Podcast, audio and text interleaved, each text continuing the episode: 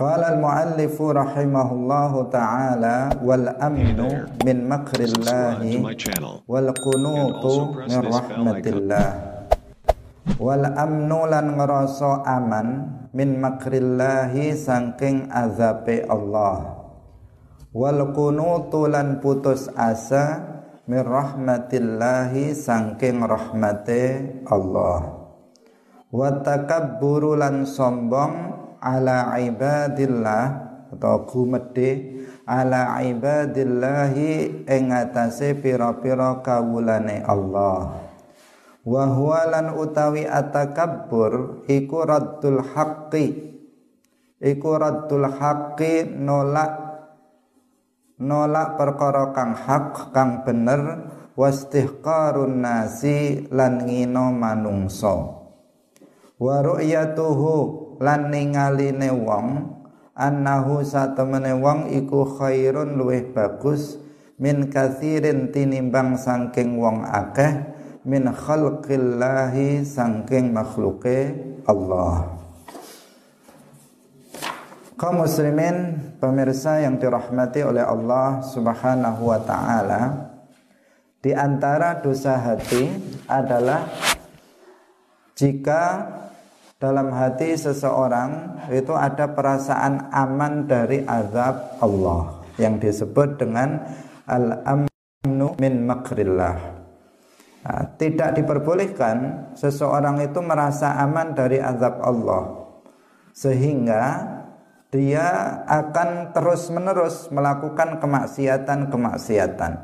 Kenapa? Karena merasa aman, merasa bahwa Allah nggak akan menyiksa saya Allah nggak akan mengadab saya. Nah, karena itu uh, dia terus menerus melakukan perbuatan dosa.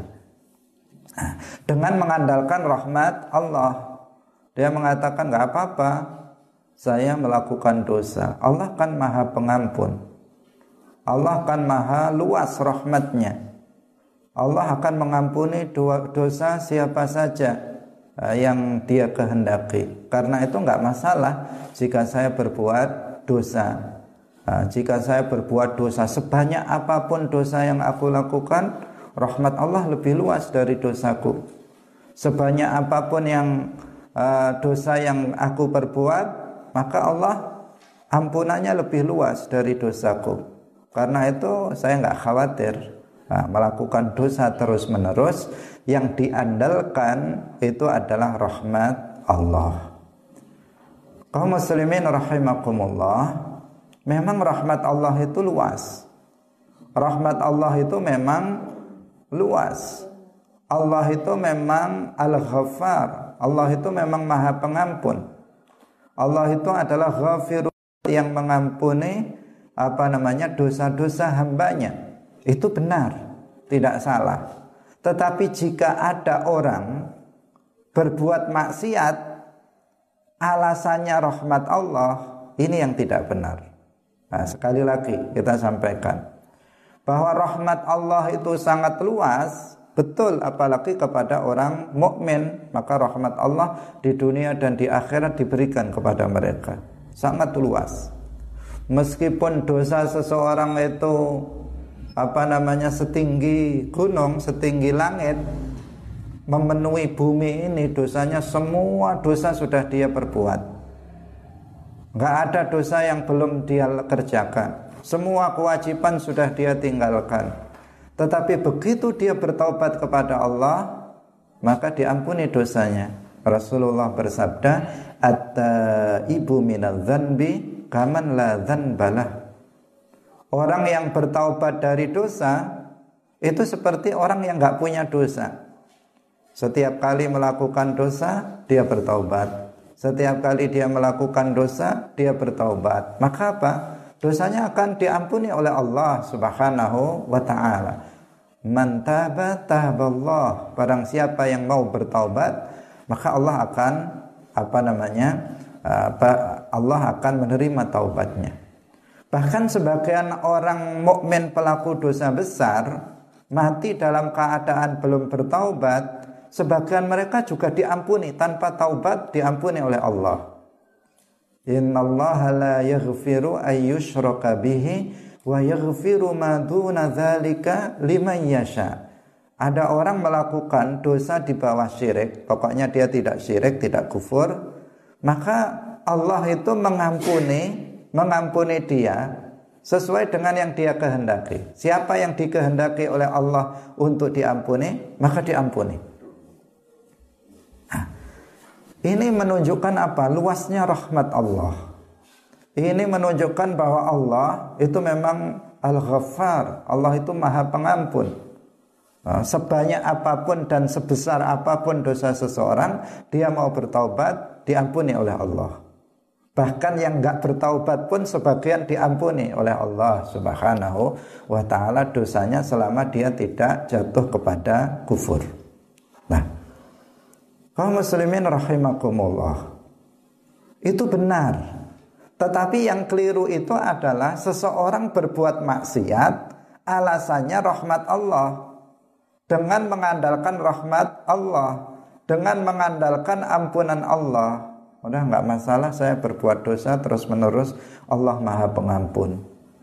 Nah, Allah kan Maha Pengampun sebanyak apa pun dosa yang aku lakukan nggak masalah Allah Maha Pengampun. Ini yang jadi masalah itu itu apa? Melakukan dosa dengan mengandalkan rahmat Allah. Dengan alasan ampunan Allah. Ini yang tidak benar.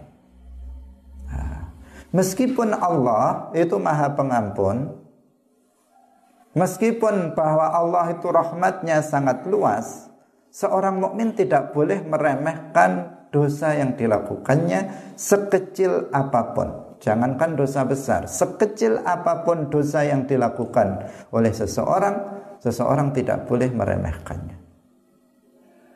Nah, kaum muslimin pemirsa yang dirahmati oleh Allah, karena ada sebagian orang disebutkan dalam hadis, karena dosa yang dosa yang terlihat remeh, tetapi orang itu kemudian masuk ke dalam neraka disebabkan dosa itu.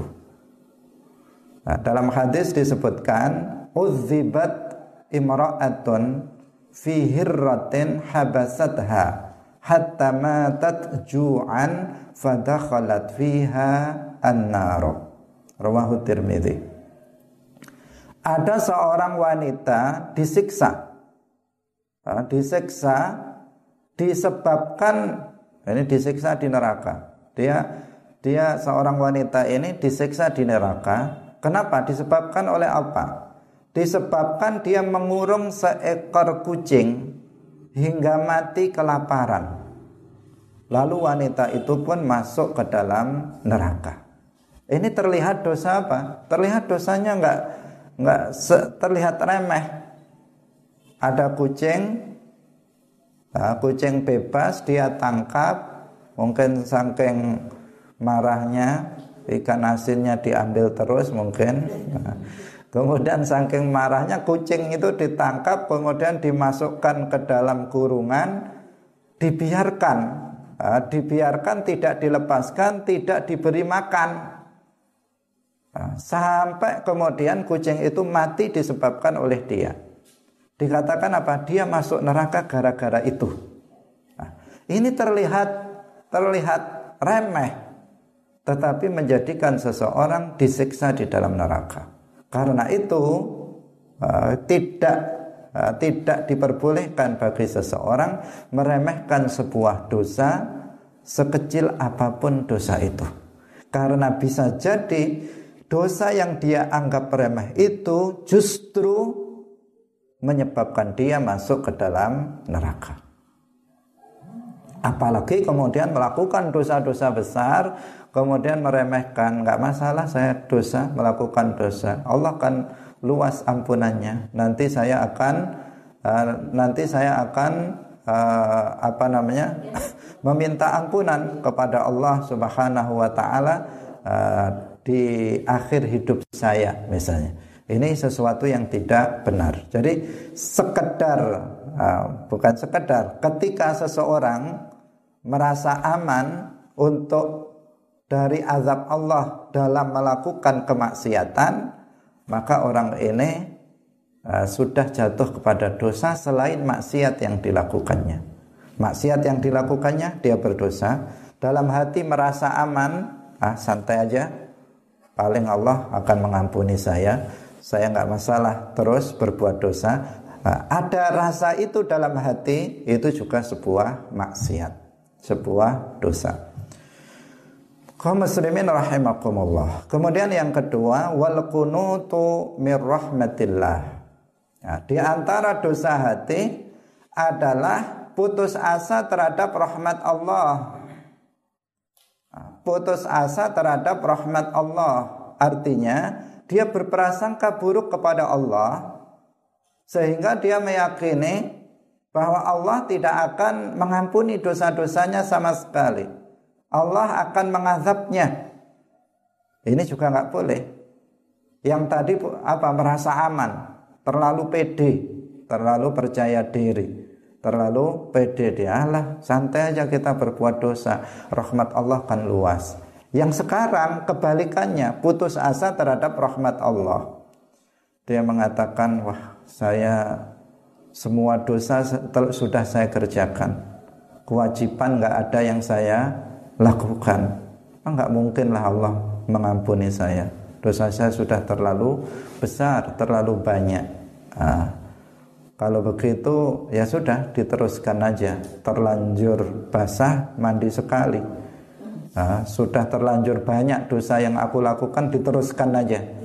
Nah, ini namanya apa? Putus asa terhadap rahmat Allah. Ini juga perbuat juga perbuatan yang haram.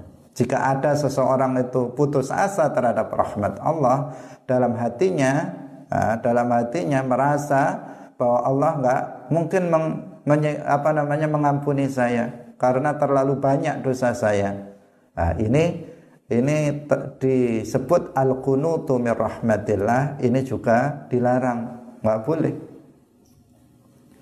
nah, karena apa namanya hasilnya adalah sama. Yang pertama hasilnya dia tetap berbuat maksiat.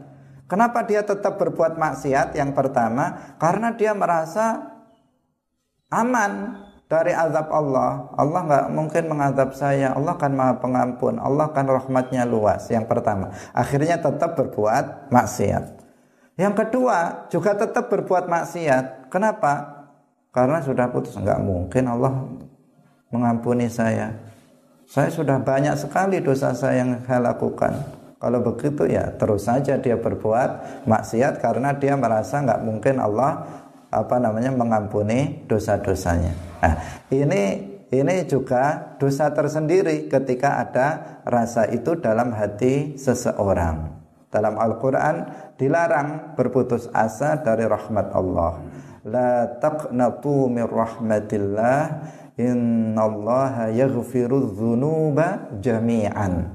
Nah, janganlah kalian putus asa terhadap rahmat Allah karena Allah itu Maha Pengampun. Allah akan mengampuni dosa seluruhnya.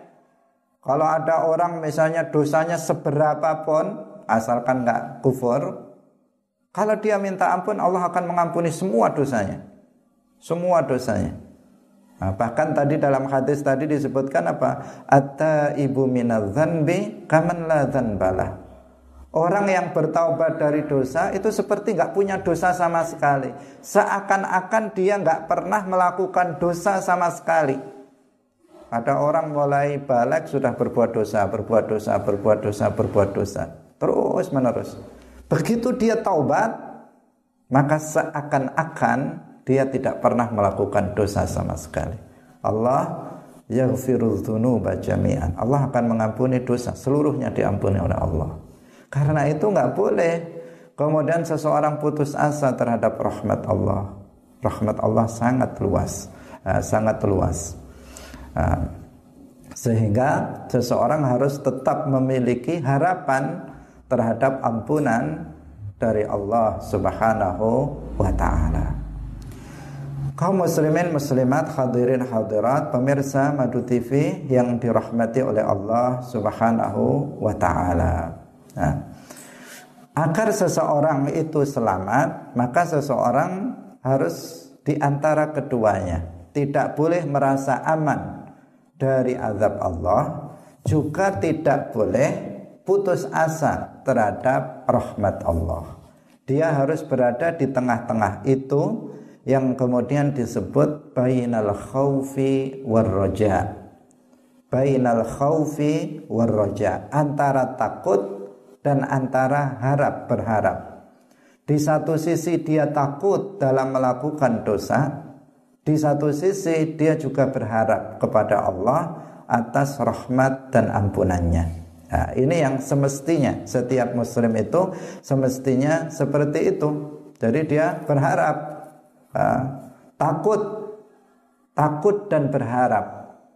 Takut terhadap azab Allah atas dosa-dosa yang dia lakukan sehingga dia segera bertaubat ketika dia melakukan dosa sekecil apa pun maka dia takut kepada Allah sehingga dia segera bertaubat.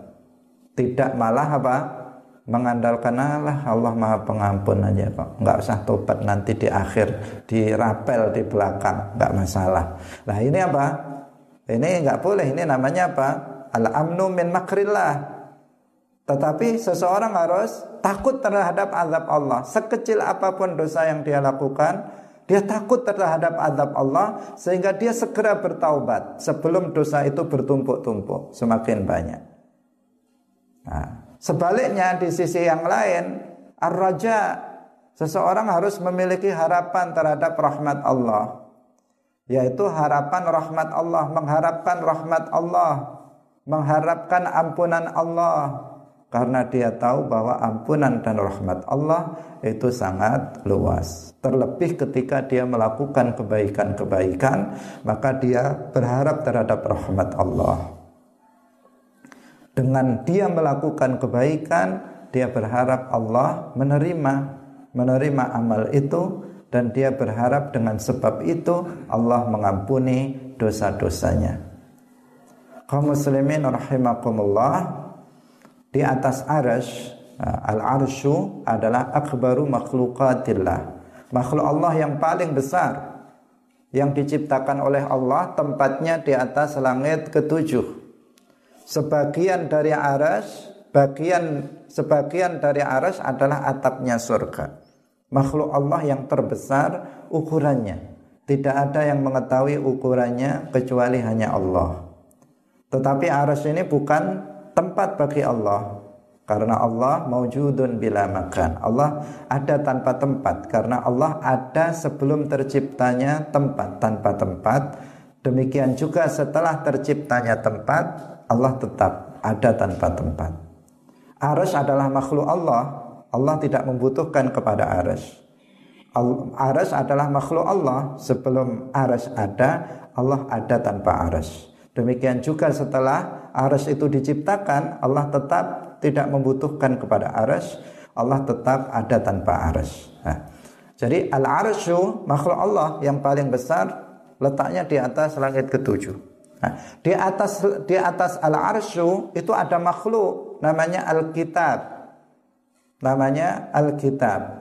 Tertulis dalam makhluk itu al-kitab itu tertulis di sana inna rahmati sabaqat ghadabi. Ada riwayat yang lain ghalabat. Nah, inna rahmati sabaqat ghadabi. Nah, sesungguhnya perwujudan dari rahmatku itu lebih banyak dari perwujudan dari ghadabku. Tertulis di sana seperti itu. Jadi di atas haras itu ada makhluk. Di atas haras itu ada makhluk namanya Alkitab tertulis di situ inna rahmati sabaqat ghadabi maka seseorang orang Wahabi yang mengatakan Allah itu berada di atas aras berarti mereka menyamakan Allah dengan Alkitab yang sama-sama berada di atas aras billah kaum muslimin rahimakumullah jadi tertulis di sana lafat inna rahmati sabaqat ghadabi. Sesungguhnya perwujudan dari rahmat Allah itu lebih banyak dibandingkan dengan perwujudan dari murka Allah. Sekarang kalau kita lihat di alam semesta ini, yang memperlihatkan rahmat Allah itu jauh lebih banyak daripada yang memperlihatkan ghadabnya Allah. Misalnya dalam sepanjang hidup kita saja, antara sehat kita dengan sakit kita lebih banyak mana misalnya. Kemudian kalau kita melihat sekitar ini, udara, apa namanya untuk bernafas, air, air hujan, air untuk kita bisa minum, kemudian makanan-makanan yang tumbuh, kemudian berbuah dan seterusnya. Itu semuanya perwujudan dari rahmat Allah untuk manusia. Karena manusia bisa memanfaatkannya uh, sebaik-baiknya. Rahmat Allah sangat luas. Yang menunjukkan ghadab Allah sekali-kali kemudian muncul uh, virus seperti ini misalnya menunjukkan ghadab Allah tetapi tidak seberapa dari uh, perwujudan dari rahmat Allah Subhanahu wa taala. Kaum muslimin pemirsa yang dirahmati oleh Allah Subhanahu wa taala. Karena itulah maka tidak selayaknya seseorang itu putus asa terhadap rahmat Allah Subhanahu wa taala. Tetapi juga jangan seseorang melakukan maksiat dengan alasan rahmat Allah Subhanahu wa taala. Tetapi hendaknya kita di antara al-khauf war raja. Nah, takut ketika kita melakukan dosa, maka takut karena takut terhadap azab Allah, maka kita bersegera untuk bertaubat darinya. Tetapi satu sisi kita juga berharap terhadap ampunan Allah dengan cara kita bertaubat kepadanya agar Allah mengampuni dosa-dosa kita. Nah, tetapi ketika seseorang itu menjelang ajalnya, maka hendaknya seseorang lebih besar rojaknya daripada khaufnya. Jadi ketika di masa seperti ini, maka imbang antara khauf dan rojak itu kita imbang. Ketika kita berbuat maksiat, maka kita takut sekali terhadap azab Allah sehingga segera kita bertaubat.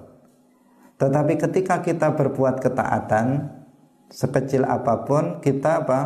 berharap terhadap Allah Subhanahu wa taala, terhadap rahmat Allah Subhanahu wa taala, terhadap pahala Allah Subhanahu wa taala atas amal yang kita lakukan. Seimbang. Nah, tetapi ketika seseorang itu menjelang ajal, maka hendaknya dia lebih besar rojaknya kepada Allah dibandingkan khaufnya. Roh apa namanya? harapan terhadap rahmat Allah harus lebih besar, hendaknya lebih besar dibandingkan takutnya terhadap azab Allah Subhanahu wa taala. Kaum muslimin rahimakumullah dalam hadis disebutkan diriwayatkan oleh Jabir. La yamutanna ahadukum illa wa huwa yuhsinu dhanna billah. Nah, hendaknya benar-benar tidaklah salah seorang di antara kalian itu mati kecuali dia berprasangka baik kepada Allah. Dia memiliki prasangka yang baik kepada Allah bahwa Allah akan merahmatinya, Allah akan mengampuni dosa-dosanya ketika dia menjelang mati itu hendaknya dia berhusnudzon, berprasangka yang baik kepada Allah bahwa Allah akan mengampuni dosa-dosanya. Ini hendaknya seperti itu ketika seseorang uh, mendekati ajalnya. Lebih harapannya terhadap rahmat Allah lebih besar dibandingkan dengan takutnya terhadap azab Allah Subhanahu wa taala. Jadi kalau diibaratkan burung al khawf war raja itu seperti dua sayap, nah, seperti dua sayap. Jadi burung memiliki dua sayap kanan dan kiri. Di sini adalah raja, di sini adalah khauf. Maka dengan seperti itu, dengan memiliki khauf dan raja, maka diharapkan dia bisa terbang sebagaimana burung itu bisa terbang dengan dua sayapnya. Nah, artinya kalau manusia memiliki khauf dan raja, maka dia akan bisa selamat nanti di akhirat. Nah, karena ada sisi khauf dan ada sisi roja. Jangan rojanya roja saja. Sehingga apa? Seseorang merasa aman dari azab Allah. Jangan khauf saja sehingga seseorang putus asa terhadap rahmat Allah. Tetapi hendaknya dia di antara keduanya bainal khaufi war roja agar dia mendapatkan keselamatan nanti di akhirat. Kaum muslimin rahimakumullah. Yang selanjutnya wattakabburu ala ibadillahi wa huwa raddul haqqi wastihqarun nas. Nah. Dosa hati yang berikutnya adalah takabur, sombong terhadap hamba-hamba Allah. Nah, sombong ini memiliki dua makna.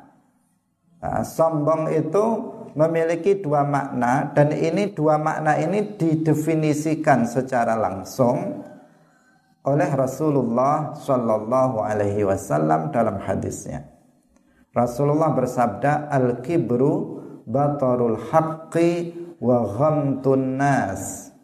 Al kibru batarul haqqi wa ghamtun nas. Nah, sombong itu adalah menolak kebenaran dan menghina manusia. Artinya uh, sombong itu kriteria sombong itu ada dua. Ini penting juga kita ketahui karena sering kita itu apa namanya menfonis orang kamu itu sombong misalnya. Padahal apa belum tentu dia sombong betulan secara syarak, nah, secara syarak.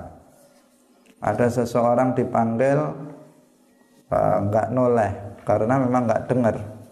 Kemudian dia bilang kamu itu sombong dan sebagainya. Nah, apakah sombong itu seperti itu? Maka kita perlu pahami. Nah, kita pahami. Apa makna sombong itu kiber itu?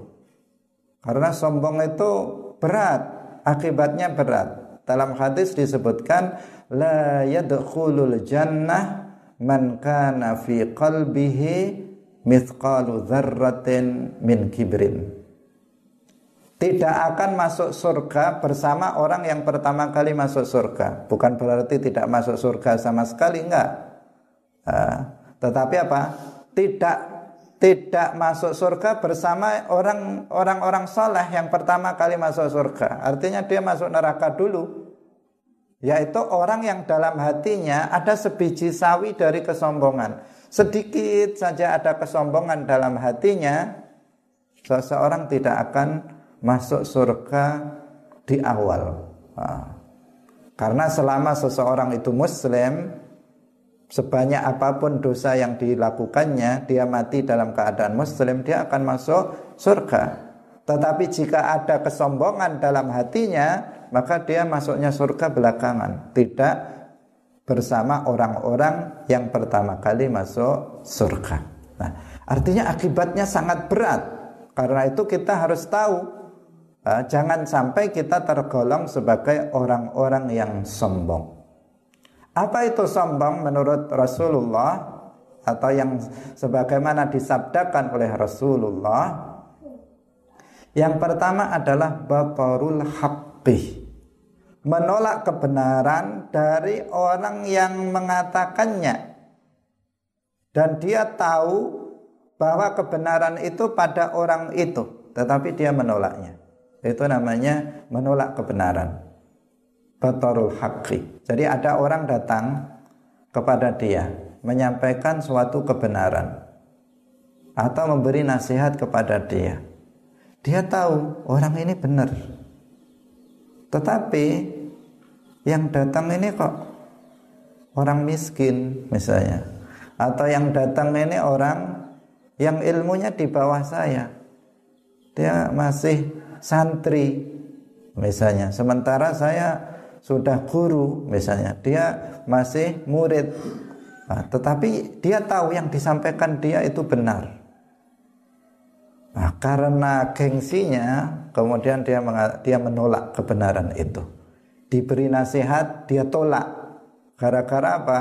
Gara-gara yang menyampaikan lebih sedikit duitnya miskin atau yang menyampaikan itu lebih sedikit ilmunya dibandingkan dengan dia atau yang menyampaikan itu lebih rendah nasabnya daripada dia. Saya anak kiai, sementara dia orang biasa. Kok menasehati saya? Dia nggak menerimanya itu. Dia tidak menerima. Nah, ini namanya sombong. Banyak orang yang seperti itu. Banyak orang yang seperti itu. Nah, ketika dia diberi nasihat oleh orang lain kok melihat orang yang memberi nasihat itu lebih miskin atau lebih uh, rendah derajatnya atau lebih apa namanya lebih bodoh atau lebih sedikit ilmunya dia tidak mau menerima kebenaran tersebut. Meskipun dia tahu dia benar.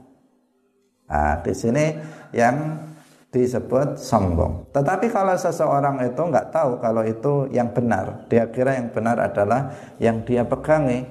Nah, artinya dia tidak tahu. Maka di sini tidak tergolong sebagai sombong.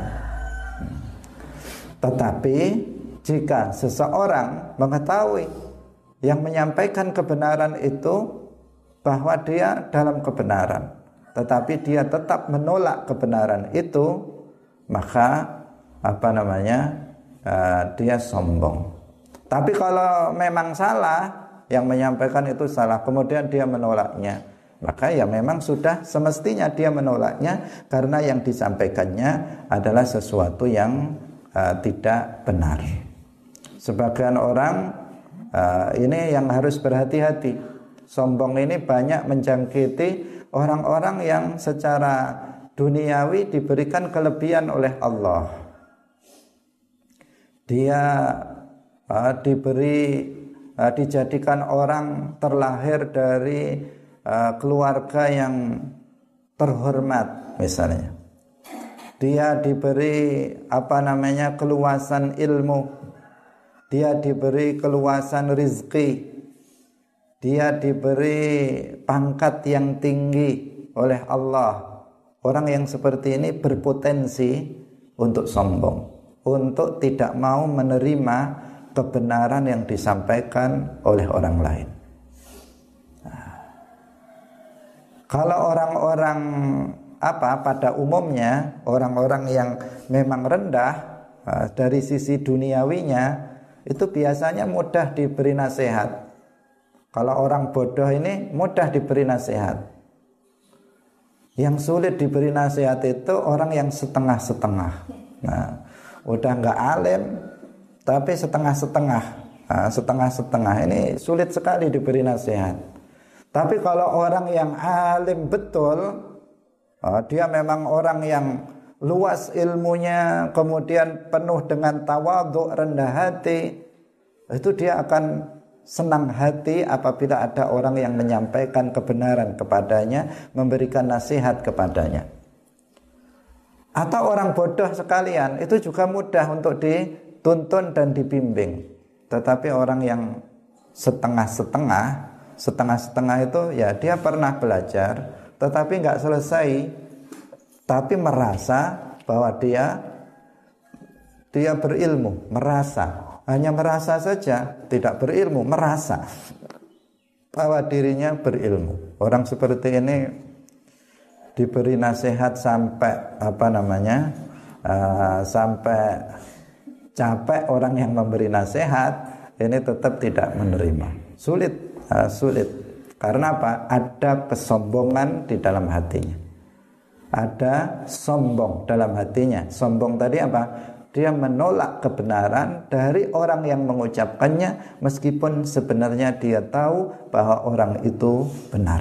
Nggak mau dia maunya kebenaran itu hanya dari dia. Kalau orang yang menyampaikannya, dia tidak mau. Nah, ini jumlahnya sangat banyak orang yang seperti ini. Nah, sangat banyak. Karena itu kita harus berhati-hati. Jangan sampai kita apa namanya terjerumus di sini.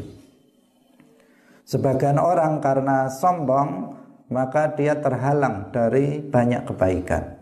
Termasuk apa namanya dari hadir dalam majelis ilmu din dalam hadir dalam majelis ilmu agama karena kesombongan gimana saya sudah mondok 10 tahun masa saya suruh datang uh, dalam majelis ilmu itu saya sudah lebih alim daripada dia yang mengajar dan seterusnya. Ini apa?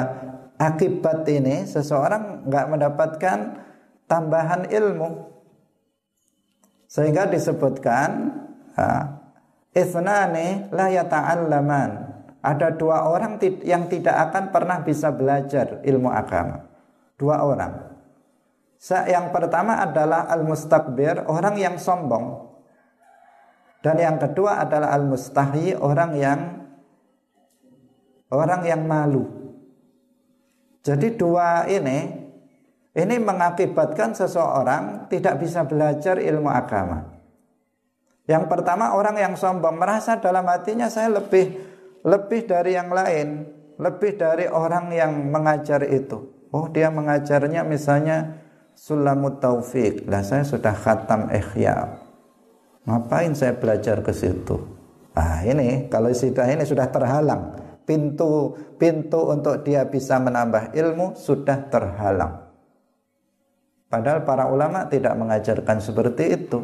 Ilmu itu diulang-ulang, uh, diulang-ulang uh, sebanyak apa pun itu tetap uh, tetap sebuah kebaikan. Bahkan hadir saja dalam majelis ilmu, meskipun dia sudah pernah mendengarnya, itu sebuah pahala yang sangat besar. Tetapi dia tertutup di sini akibat dari kesombongan yang ada di dalam hatinya.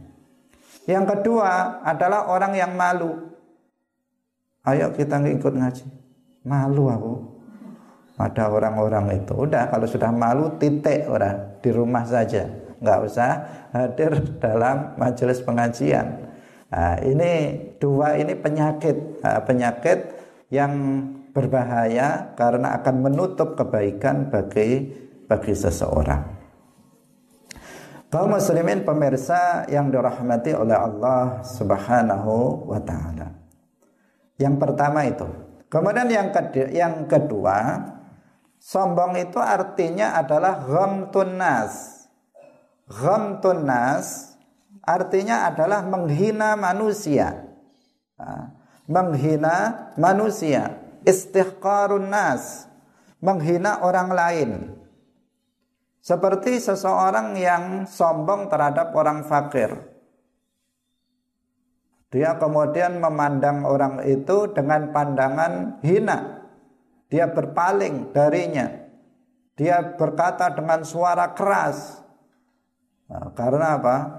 Dia melihat, dia merasa dia lebih kaya daripada dia. Itu kan biasa seperti itu. Kamu lihat orang-orang kaya. Kalau ngomong sama orang miskin, itu biasanya nadanya keras. Seakan-akan itu dia uh, lebih baik daripada orang yang miskin itu. Terkadang seorang majikan sikapnya itu beda kalau dengan orang apa namanya buruhnya. Sudah menampakkan uh, perilaku yang sombong.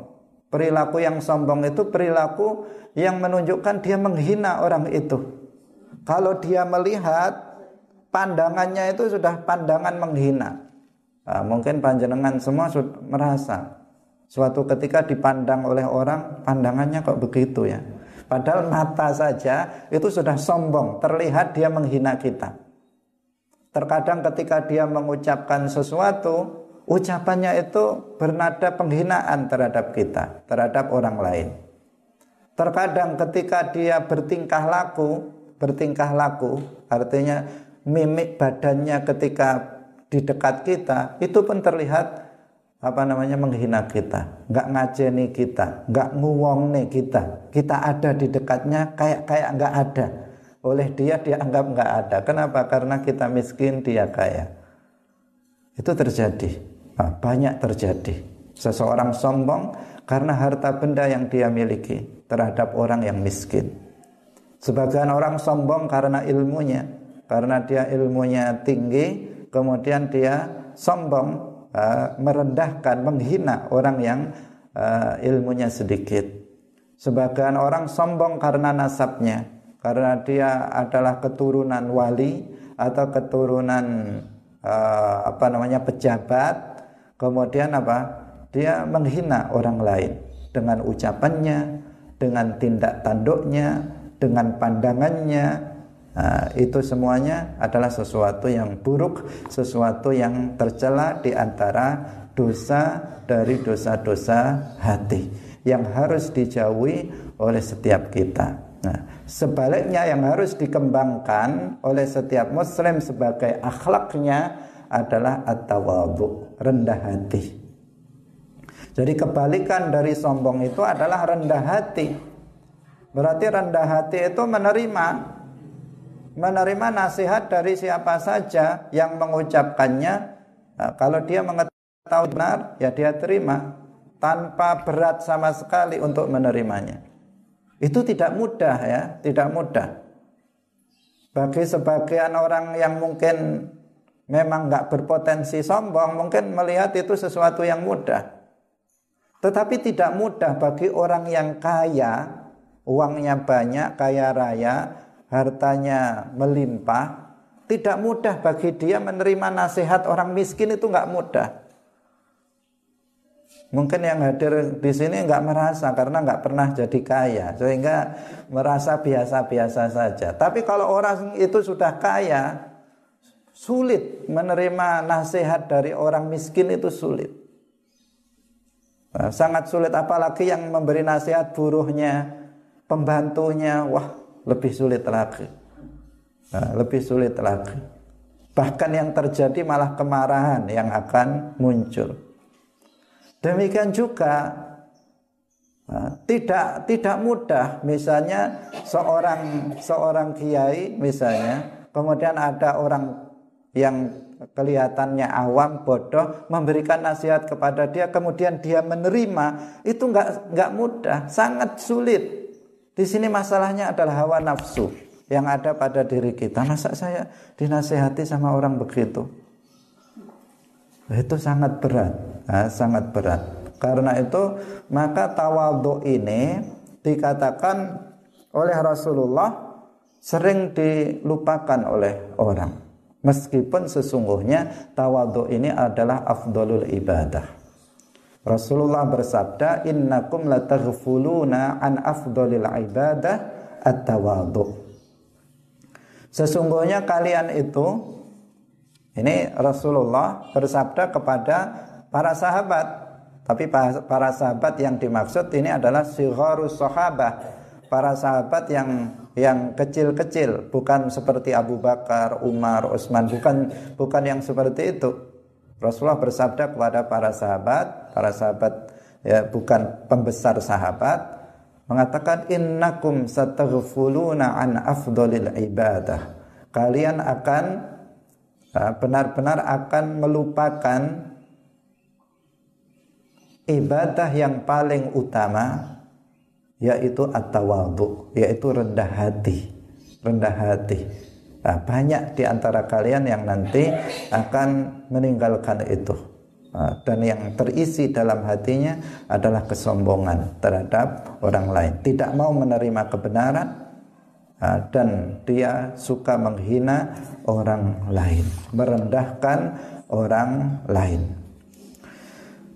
Kaum muslimin pemirsa yang dirahmati oleh Allah Subhanahu wa taala. Bagaimana agar kita ini tidak sombong? Bagaimana agar kita ini tidak sombong? Karena kesombongan itu juga bisa muncul dari siapa saja. Meskipun tadi kita nyatakan orang yang berpotensi sombong itu orang kaya, orang yang alim, orang yang pangkatnya tinggi, orang yang dari keturunan darah biru, itu potensi sombongnya besar sekali. Tetapi bukan berarti orang miskin nggak bisa sombong. Atau orang bodoh nggak bisa sombong. Banyak juga orang miskin tapi sombong, orang apa namanya orang bodoh sombong. Itu juga bisa. Karena hawa nafsu yang ada pada dirinya. Karena orang bodoh merasa alim, orang miskin merasa uh, merasa kaya. Uh, karena orang miskin bertingkat-tingkat. Nah, orang miskin itu bertingkat-tingkat. Dia miskin, tapi ada yang lebih miskin di bawahnya dan seterusnya. Sehingga potensi sombong itu tetap ada pada setiap orang. Nah, bagaimana caranya agar kita itu bisa terhindar dari sifat sombong agar kita nggak sombong. Caranya adalah dengan menanamkan dalam hati kita pengetahuan bahwa kemuliaan seseorang itu ditentukan oleh takwanya, bukan oleh hartanya, bukan oleh pangkatnya, bukan oleh warna kulitnya, bukan oleh perkara-perkara dunia yang lainnya. Itu yang harus ditanamkan. Inna akramakum indallahi atqakum. Sesungguhnya orang yang paling mulia di antara kalian adalah orang yang paling bertakwa. Siapa yang paling bertakwa? Dialah orang yang paling mulia. Semakin seseorang bertakwa, maka dia semakin mulia indallah. Orang miskin bertakwa, dia lebih mulia daripada orang kaya yang tidak bertakwa. Orang kaya bertakwa, dia lebih mulia daripada orang miskin yang tidak bertakwa karena ukurannya bukan kaya miskin. Orang rakyat biasa bertakwa, maka dia lebih baik daripada pemimpin atau penguasa tetapi dia tidak bertakwa. Tapi kalau ada penguasa bertakwa, maka dia lebih baik daripada rakyat biasa sombong, tidak bertakwa misalnya, tidak bertakwa. Karena ukurannya tetap takwa, bukan bukan pangkat. Nah, bukan pangkatnya. Nah, ketika seseorang itu menyadari ketakwaan inilah yang menjadi ukuran seseorang itu baik atau tidak baik, seseorang itu mulia atau tidak mulia indallah, maka Ya, tidak perlu seseorang sombong. Dia apa namanya? menjadi orang yang kaya raya. Tetapi dia melihat kekayaan saya bukan menjadi ukuran bagi saya bahwa saya orang yang lebih mulia daripada dia. Maka dia nggak jadi sombong karena bisa jadi pembantu saya ini meskipun miskin, tetapi dia bertakwa maka dia lebih baik daripada saya. Nah, bisa jadi dia memang masih santri biasa. Tetapi saya kiainya, saya gurunya. Tetapi bisa jadi dia lebih bertakwa daripada saya. Karena itu saya nggak perlu kemudian sombong kepadanya. Karena bisa jadi dia lebih baik daripada saya. Karena ukurannya bukan pada apa namanya harta, ukurannya bukan pada banyaknya, luasnya ilmu, tetapi ketakwaan seseorang. Ketika seseorang itu punya ilmu diamalkan, itulah yang menjadikan seseorang itu mulia. Nah, ketika kita menyadari hal itu, maka nggak akan ada kesombongan dalam hati kita karena ketakwaan itu Allah Subhanahu wa taala yang mengetahui pada diri seseorang apakah seseorang itu uh, apa namanya? Apakah seseorang itu tergolong sebagai orang yang bertakwa ataupun tidak?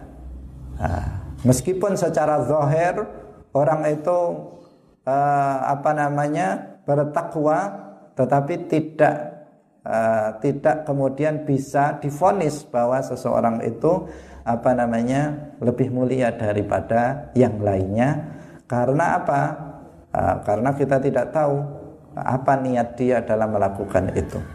Nah, kaum muslimin pemirsa yang dirahmati oleh Allah Subhanahu wa taala. Nah, jadi jangan kita sombong tetapi kita hendaknya rendah hati. Rendah hati kepada orang lain. Nah, orang lain. Jika kita rendah hati, maka kita akan mendapatkan manfaat yang sangat besar, mendapatkan faidah-faidah yang sangat besar dari siapa pun kita akan mendapatkan tambahan ilmu, kita akan mendapatkan tambahan faedah. Kalau kita mau mendengar, misalnya ada orang tua, dia mau mendengar meski anak kecil, anaknya, maka dia akan mendapatkan faedah.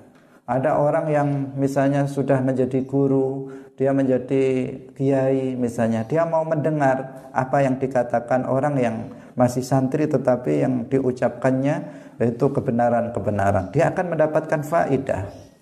Kalau ada orang kaya mau mendengar apa yang dikatakan oleh orang miskin, maka dia akan mendapatkan tambahan-tambahan ilmu dan tambahan-tambahan faidah. Tetapi jika seseorang sombong, maka habis. Kebaikan-kebaikan itu terputus dari dirinya, dia tidak bisa mendapatkan tambahan-tambahan kebaikan yang disampaikan oleh orang lain.